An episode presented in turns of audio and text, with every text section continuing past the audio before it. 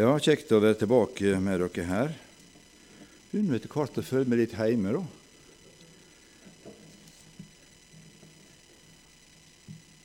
Og eh, vi har jo mye vi har jo mye å ta av da, i Guds ord. Det er 66 bøker innenfor disse permene, små og større. Eh, jeg har saktens hørt hvor mange kapittel og hvor mange vers det er, men eh, det er for så vidt ikke så nøye i antallet. Vi vet at det er veldig mange. Likevel så uh, greide altså Den hellige ånd å gjøre det slik at han, broderen min her tok min tekst. Av alle tekster som er her, så leser han min tekst, den som jeg har tenkt. Om, om det gikk litt i sorg for Den hellige ånd, sier jeg og han heter det samme, det veit jeg ikke helt. Men eh, det kan jo saktens eh, gå litt i sorg for alle og enhver. Men uh, da får jeg jo litt Jeg har ingen plan B. Nei, jeg har ingen plan B.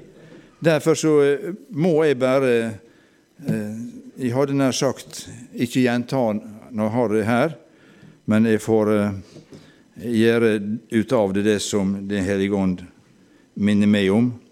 Og så uh, Altså, Jeg satt og funderte litt på dette. her. Jeg ble jo litt stuss når jeg oppdaga hva som holdt på å, å skje. Um, det er jo litt pussig at, at, du skulle ta de samme tekstene. Men det har noe med at vi heter det samme. altså Jeg er rimelig sikker på. Nei, eh, spøk til eh, litt mer seriøst, så eh, tenker jeg at det, altså, Den hellige ånd veit jo hva han steller med. Og jeg har ikke snakka med han overhodet om hva han skulle innlede med. Ikke i det hele tatt. Og jeg bruker aldri å si til noen hva tekst de skal ha, ikke engang til kona mi. Får ikke vite hva tekst de skal ha, før hun hører det sjøl. For Det er noe jeg har lært av min, min øh, jordiske far han hadde det slik, for han ville ikke eh, at noe skulle skiple. Det kan jo være noen har mening om ja, men, ja, men det har de nå talt om så ofte før. Eh, det passer ikke i denne menigheten. Altså, Jeg er livredd for at ting skal, skal skiple det som jeg tror på kanskje Den, den hellige ånd har minnet meg om å si og tale over og vitne over. Derfor så tror jeg kanskje at det, vi skal legge øret ekstra til i formiddag Kanskje er det noe i Fader vår Gud vil ha sagt oss, siden Han vil at det både innledning og, og det som jeg skal få vitne over, er samme tekst. Så la oss være bedende i vårt hjerte at eh, Gud må få sin vei av vilje med oss alle sammen. Så vi skal lese det fra samme eh, plass, faktisk. Det er der jeg har forberedt meg på. Matteus 6. Og det begynner som har jeg allerede har sagt Fader vår. I dag så heter jo det i litt omskriving Vår Far. Og da er jo det godt å vite at Jesus sin far er vår far. Og det blir understreka han er i himmelen. Det er ikke Gud, den delen av treenigheten, som er her iblant oss. Men Fader vår, du som er i himmelen. Og Jesus sa også faktisk at min far i himmelen. Han presiserte det, at det var hans tilholdssted, hans bosted. Og Jesus, han er vår far. Fader vår. Og det er litt av et privilegium å kunne få lov å la med Jesus vite at vi har en Fader i det høye, som Fader omhu for oss ber. Og så ber vi til denne vår Far i himmelen, komme ditt rike. Og det i seg sjøl er jo litt eh, Komme ditt rike, hva, hva, er det for noe rart? Eh, mange forstår vel kanskje ikke hva som menes med det. Hva er et rike i denne sammenheng? Eh, Guds rike er kommet nær, sier Lukas. Forkynn det. At Guds rike er kommet nær. Og Matteus han skriver senere i, i, i dette kapittelet der, der, det blir sagt til folk der at vær ikke bekymra for livet. Hva dere skal kle dere med, hva dere skal ete, mat på bordet, disse nødvendige ting. Se på fuglene.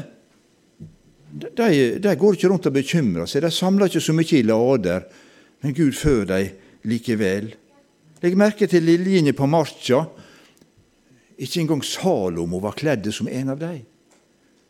De, de spinner ikke, de, de, de kler ikke seg, de handler ikke inn. Men for ei prakt! Gud kler dem, han sørger for dem. Men når Gud sørger sånn for disse tingene som vi har rundt oss, som han gleder oss med, hvor mye mer skal ikke han sørge for oss som er skapt i hans bilde? Så sier da Matteus i vers 33 i kapittel 6.: Søk da først Guds rike. Søk først Guds rike og Hans rettferdighet, så skal dere få alt dette i tillegg. Og Lukas han sier det i, i, i 1232. Det har behaget Far å gi dere riket. Og Samme evangelist han sier det i, i 960, det var mange vers. Gå av sted og forkynn Guds rike. Og I samme ånd så sier han også i samme kapittel tidligere De forkynte evangeliet og helbredet folk overalt. Ja, hva er så dette her Guds rike? Vi skal lese litt ifra apostelgjerningene 20, 28.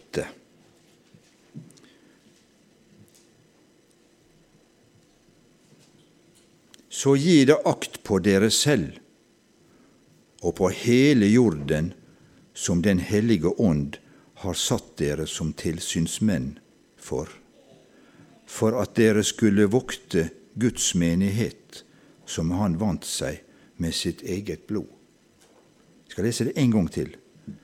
Så gi det akt på dere selv og på hele jorden, som Den hellige ånd har satt dere som tilsynsmenn for, for at dere skulle vokte Guds menighet, som han vant seg med sitt eget blod. Guds rike som kom til mennesker. Guds menighet er jordens største under. Det er Guds rike som kom til oss. Og Jesus står om i Matteus 4,23 at han forkynte evangeliet om riket og helbreda alle slags sykdommer og plager blant folket. Og da eh, forstår vi at Guds rike, det evangeliet om Jesus. Evangeliet om budskapet om Han som kom ifra himmelen, som Gud sendte for at han svarer, han svarer positivt på bønna 'Komme ditt rike'. Det var ei bønn, som kjent, som Jesus lærte disiplene. Be sånn. Be slik om at Guds rike må komme til ethvert sted, til enhver by og bygd, så Guds vilje kan skje, at evangeliet må, om riket, om Jesus som døde på Golgata, at det må komme inn i vår sammenheng. Skje din vilje, som i himmelen, så også på jorden. Ja, hva er Faderens vilje? Hva er Faderens vilje? Det kunne vi sikkert finne masse svar på, forskjellige vinklinger på, for vi, vi veit det på en måte, da. Det, det, han vil jo at alle skal bli frelst. Han vil at eh, hans vilje i himmelen Tenk om det kunne vært sånn på jorda også. Ikke synd, ikke sykdom, ikke prøvelser. Ingen misunnelse, sjalusi, alt dette her med negativt fortegn. Det er Guds vilje i himmelen. Å be om at det i enda større grad også må skje på jorda. Johannes svarer i grunnen egentlig direkte på dette spørsmålet. Hva er Faderens vilje? Han sier det i Johannes eh, i, i sjette kapittel, vers 40. For dette er min fars vilje, at hver den som ser Sønnen og tror på ham, skal ha evig liv. Og jeg skal oppreise ham på den siste dag. Det er Faderens vilje at hver og en som tror på Jesus, som er hans sønn, skal få evig liv. Og det ligger jo i, alt dette her en fri vilje. Den som vil, han komme. Og ta imot uforskyldt av nåde. Skje din vilje som i himmelen, så også på jorden. Og da blir jo litt meningsløse, tenker jeg, bønna vår om helbredelse. Hvis det er din vilje, Gud, så helbred meg. Og Det er mange som henger seg på dette. Kanskje Gud vil jeg skal ha dine plager. Kanskje Han vil holde meg litt nede, så jeg ikke skal bli oppblåst eller for stolt, og han vil holde meg litt i ydmykhet. Kanskje han vil lære meg noe? Ja visst. I et sykdomsforløp så er det mange som lærer ting som man ellers ikke ville lært. Man får ei innsikt som gjør at en har en helt annen empati med de som sliter med samme lignende ting. Men er det Guds vilje at jeg skal være sjuk? Stemmer det overens med at det skjer din vilje i himmelen, så også her nede? Er det da slik at en og annen må være sjuk i himmelen også for ikke at de skal bli for engleaktige? Jeg får ikke det til å stemme. Men at Gud kan bruke situasjonen din når du er blitt sjuk, det er andre enn meg som også vil påstå at sykdommen kommer fra den vonde. Det kom inn i verden ved syndefallet, og siden har det vært der. Det er ikke verken han eller hun eller foreldra som har synda, men det er for at Guds herlighet skal bli åpenbart.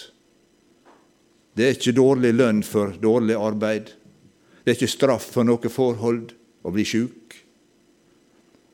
Her er varme, sterke kristne som er sjuke hele livet. Og ingen har noe godt svar av oss mennesker på hvorfor. Hvorfor blir ikke alle helbreda? Men jeg vil stå imot med all min kraft.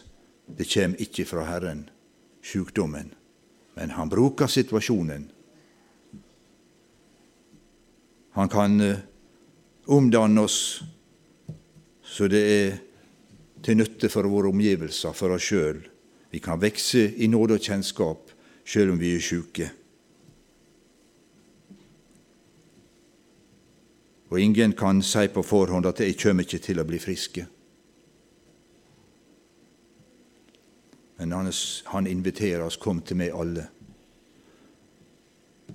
Og han, han gikk omkring. Han forkynte evangeliet om riket, og han helbreda alle slags sykdommer og alle slags plager.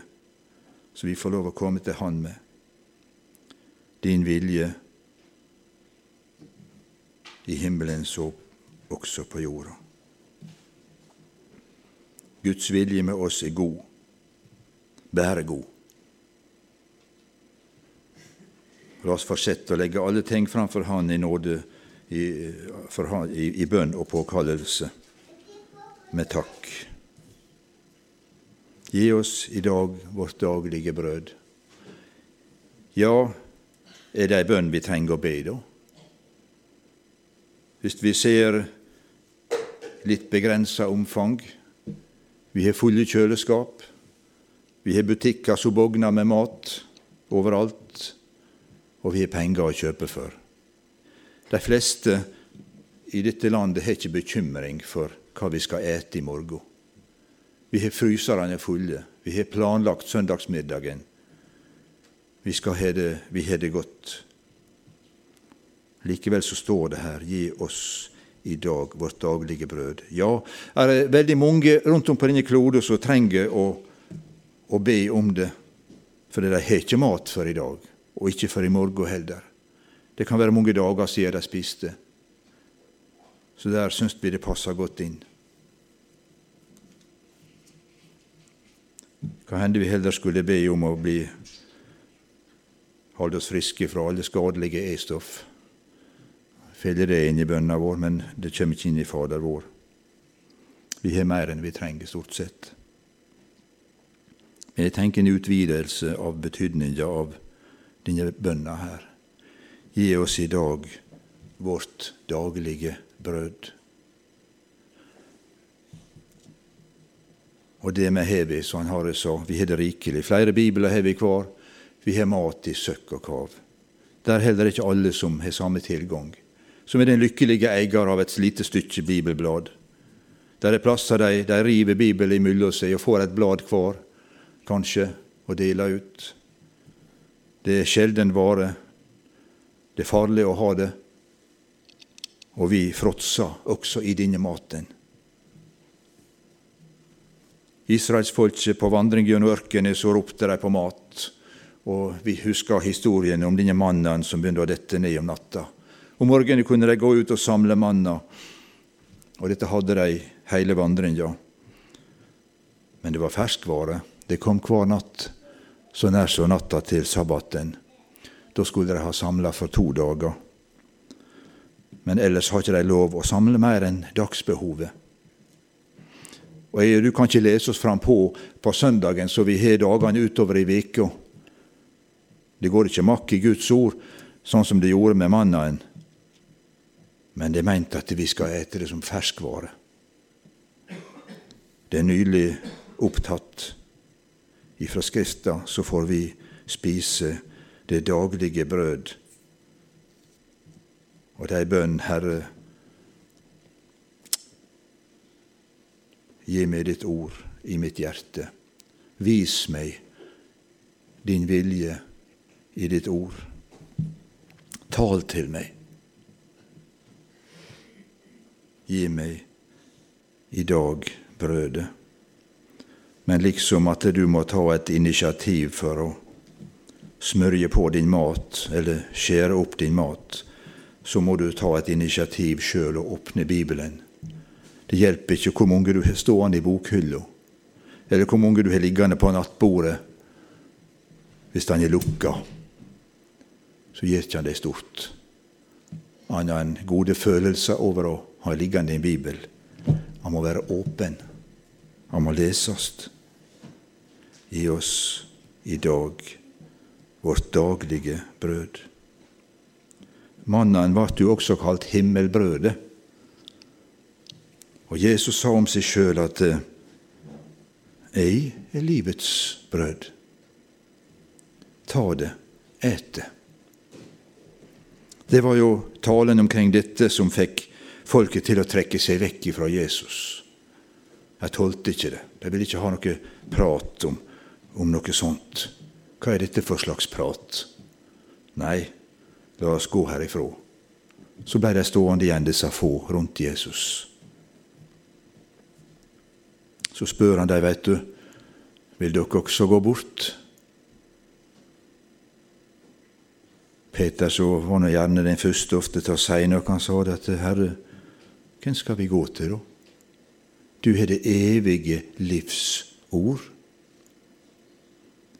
Og det var ikke småtteri. Men det har ikke de fått, greie, det har ikke de fått tak i, disse som bare gikk bort. Du har det evige livs ord. Det samme ordet som Peter seinere skulle tale for både Kornelius og, og på pinsefestens dag. Det evige livs, livs ord som gjorde at, det, at det folk fikk syndenød og måtte spørre hva, hva skal vi gjøre? Vi er syndere. Vi vet ikke hva vi skal gjøre. Jo, ta imot ordet. Ta imot Jesus og bli døpt, tillagt menigheten. Det er veien å gå. Ta imot livets brød. Og de sa til Jesus i en sammenheng, Herre, gi oss alltid dette brød.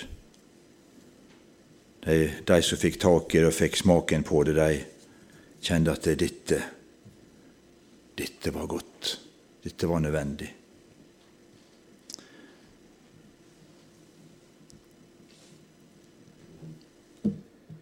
Skal ta med ei, av, ei til av bønnene. Forlat oss vår skyld, som vi òg forlater våre skyldnere.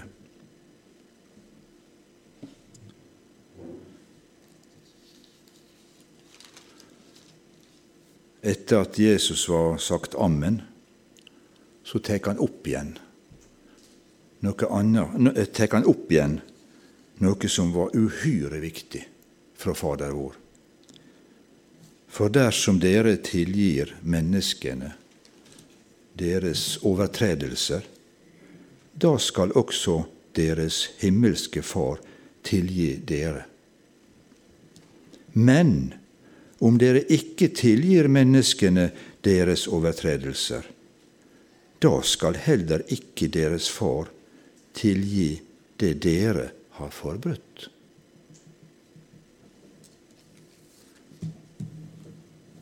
Dette er for meg ei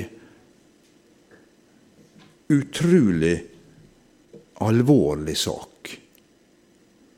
Og Jeg tror Jesus ville presisere dette siden han tar det opp igjen sånn.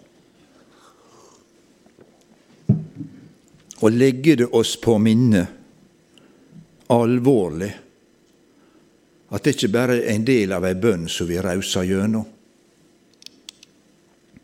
men det er avgjørende for om vi skal bli utestengte eller vi skal få komme inn. Tilgivelsen, ikke bare de store, veldige tinga, men i det daglige å ha et tilgivende sinn. Ikke bare for de du kjenner, eller for bestemte mennesker, men i det hele tatt. I Feserbrevet der sier Paulus at vær gode mot hverandre.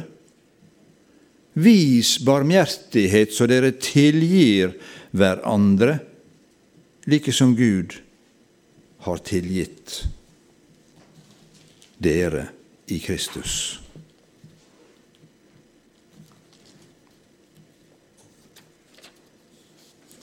Skal ta også med ifra Kolosserbrevet 3.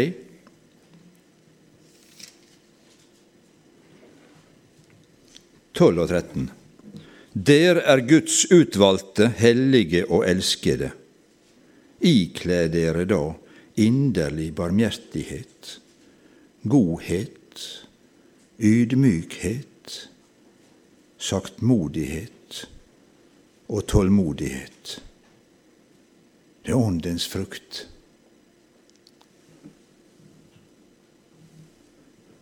ikle dere. Jeg ser hva du har på deg, du sitter her. Du er ikledd de klær du ville ha i dag. Og det er synlig for meg, og vi er synlige for hverandre, hva vi har på oss.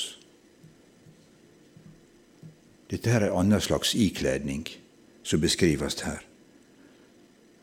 At kan, vi kan oppleves, ikke bare på avstand, men i nærhet, hellige, ikledere da inderlig barmhjertighet, godhet, ydmykhet, saktmodighet og tålmodighet. Enkelte ganger treffer du på folk som har alle disse tingene her. Og det, det, er så, det, er så, godt å være sammen med sånne folk. Du føler deg så trygge. Du trenger ikke å være på vakt for bare, bare ikke nå si noe som de reagerer på. Nei da, du, du, kjenner at det, det er godt å være i lag med sånne mennesker. Og er vi ikledd disse tingene her, så er det som det står videre, så dere tåler hverandre og tilgir hverandre dersom en skulle ha noe å anklage en annen for. Like som Kristus har tilgitt dere, skal også dere tilgi hverandre.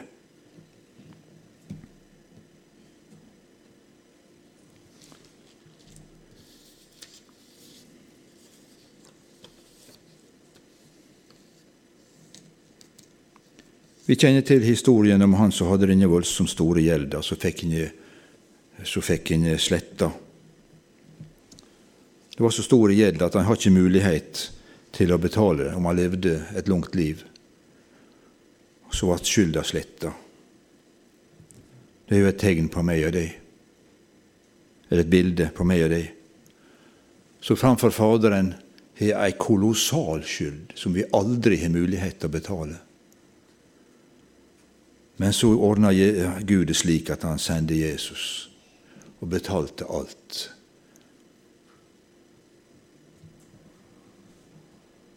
Skylda ble ikke Jeg tror jeg talt om det her en gang før. Denne her eh, handleboka med kjøpmannen som vi brukte før. Vi fikk handle på bok, for det var ikke alltid så mye penger hjemme å handle cash med. Og vi drog ikke kort den tida jeg var lite. Men Faderen drev sjøen, og det var langt imellom hver, hvert oppgjør, som det heter. Så vi fikk skrive varene med butikkmannen, så vi ikke skulle svelte. Det kunne gå viker, det kunne faktisk gå måneder. Pappa var vekk opp i seks måneder i slengen på Grønland. Og det kom ikke noe faste beløp, det kom noen små trekk, men som vi vet, så er det mye utgifter. Men så kom det en dag at det kom penger inn Kanskje mye penger i, syns vi, men det skulle rekke til mye. Og så fikk han pappa, når han var hjemme, gå til kjøpmannen og ha med seg boka, og kjøpmannen hadde si bok. Og så ble det tatt side for side og satt et kryss over. Så ble det skrevet 'betalt'. Og så sier det at eh, mi syndebok innenfor Gud ser ikke slik ut. Det blir ikke sett noe kryss over eller skrevet betalt, men det blir utsletta. Denne handleboka som vi hadde, da kunne vi gå tilbake. Hvis du gjemte alle bøkene, for dette ble jo mange etter hvert. Det er litt store notisbøkene, høye, smale. Da kunne vi gå tilbake og se hva vi hadde handla i måneder og år, kanskje. Om du vil, gå tilbake og se på gamle synder. Å ja, sier Gud, han ser tilbake her.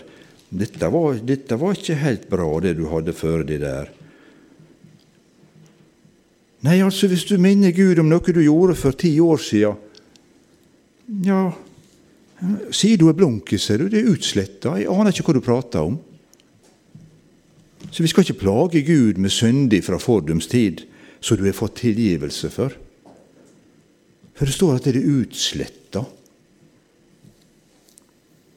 Og da er det utsletta når Guds ord sier det. Men hva vi står oppi dette her, når vi blir stilt overfor det valg at vi, vi må tilgi for å få tilgivelse, Og hvis vi ikke tilgir, så får ikke vi tilgivelse. Dette er harde ord. Og I en sammenheng så ble jeg irettesatt av en tilhører for at om jeg kunne mene dette. Tja, sier jeg, Guds ord mener det. Og da må jeg si det, for det står jo med svart på hvitt at Gud vil vi skal tilgi. Ja, men det er ikke mulig for meg å tilgi dette, det som han eller hun gjorde mot meg. Og Vi leser det på trykk av og til, og vi hører det av folk på fjernsyn og andre sammenhenger. Dette kommer vi aldri til å tilgi. For meg så er det sånne kuldegysning ned til ryggen når jeg hører eller leser eller ser noen som uttaler det. For jeg tenker du skriver deg ut ifra muligheter til å komme til himmelen. Hvis du låser deg i det at 'dette kommer jeg aldri til å tilgi', du kjenner bitterheten, du kjenner sinnet, du kjenner hatet.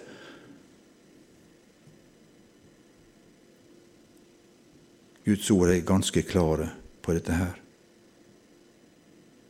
Liksom Kristus har tilgitt dere, skal også dere tilgi hverandre. Og Hvis du skulle være i den ulykksalige situasjonen at det der er noe som har brent seg fast i deg, så du ikke greier å tilgi. Det er ikke uvanlig, det. Så be Jesus om hjelp. Jeg veit at det er mulig. Jeg veit at han kan løse deg ifra det. Ikke fordi at det, at det, at det ikke var så gale, det som var gjort imot deg. Men Gud kan helbrede ditt, din fastlåste situasjon så du kan få lov å tilgi på grunn av Jesus. For Han som er tilgitt meg og deg, uansett hva det måtte være. Han er også mektig til å hjelpe deg og løse deg ifra det som bitter deg. Det er så viktig. Peter var jo litt opptatt av dette her. Herre, hvor, hvor, mange ganger skal jeg drive tilgi i grunnen? Sju ganger? Er, det, er, det, er ikke det passelig raust tall? Det, det, er noe, Hvis de skal tilgi sju ganger en og samme person, da har nå vel vært rimelig rause. Peter 70 ganger sju ganger. Og Jeg vet ikke om han Peter kunne regne så mye at han fant ut hvor mange ganger det var. Det aner jeg ikke noe om. Men eh, Peter fikk iallfall forståelsen av at eh, det var ikke noe tak på dette her. Vi kan ikke sette ei øvre grense for hvor mange ganger vi skal kunne tilgi. Men det skal være ubegrensa raushet og tilgivelse. Det tror jeg er etter Jesu vilje og etter Jesus sinnelag. Jeg skal uh, ganske straks gå inn for landing. Med, ta med et vers ifra Peters første brev, kapittel fire.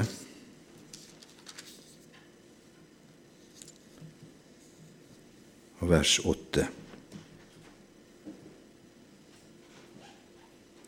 Framfor alt ha inderlig kjærlighet til hverandre, for kjærligheten skjuler en mengde synder. Jeg funderte litt på dette verset. Er det da slik at eh, de vi er glad i, skal ikke vi være så nøgne med hva de gjør? Hvis vi er tilstrekkelig nok glad i dem, eh, er det bare å trykke den i ei skuffe, eller gløyme, eller sjå, oversjå. Ja, for en del kan det vel være det at ikke vi henger oss opp i alt som vi møter, av ting som vil fornærme oss og, og, og sånn. Men kjærligheta, skal den skjule, eller skal den ta et oppgjør?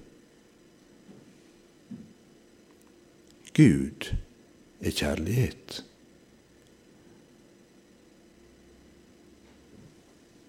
er lik Jesus, er lik tilgivelse. Kjærligheta Gud ved Jesus, han tar seg av ei mengde synder. Jeg og du har ikke fått mandat til å tilgi synde sånn som Jesus kan gjøre det.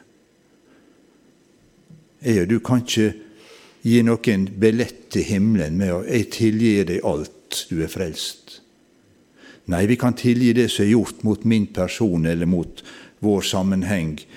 sånn og sånn, og, Av og til så ser vi at uh, statsministre kanskje ber om tilgivelse eller beklagelse over ting, liksom på vegne av det norske folk.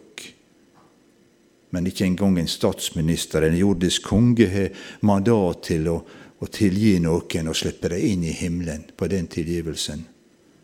Nei, det er alene Jesus som kan. Så vi, vi skal få lov å tilgi hverandre. Vi skal få være barmhjertige og vise godhet. Og Gud hjelpe oss at vi er i den posisjonen i forhold til hverandre at vi har tilgivende sinn på små ting som i større ting. Det Evangeliet er jo tilgivelse. Den som i sitt hjerte tror og med munnen bekjenner, skal bli frelst fordi han har fått regninga betalt.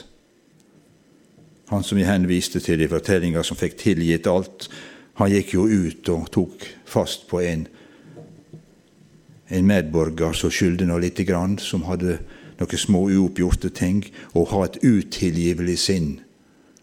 Og vi så i fortellinga der, eller lignelsen, hvor det gikk.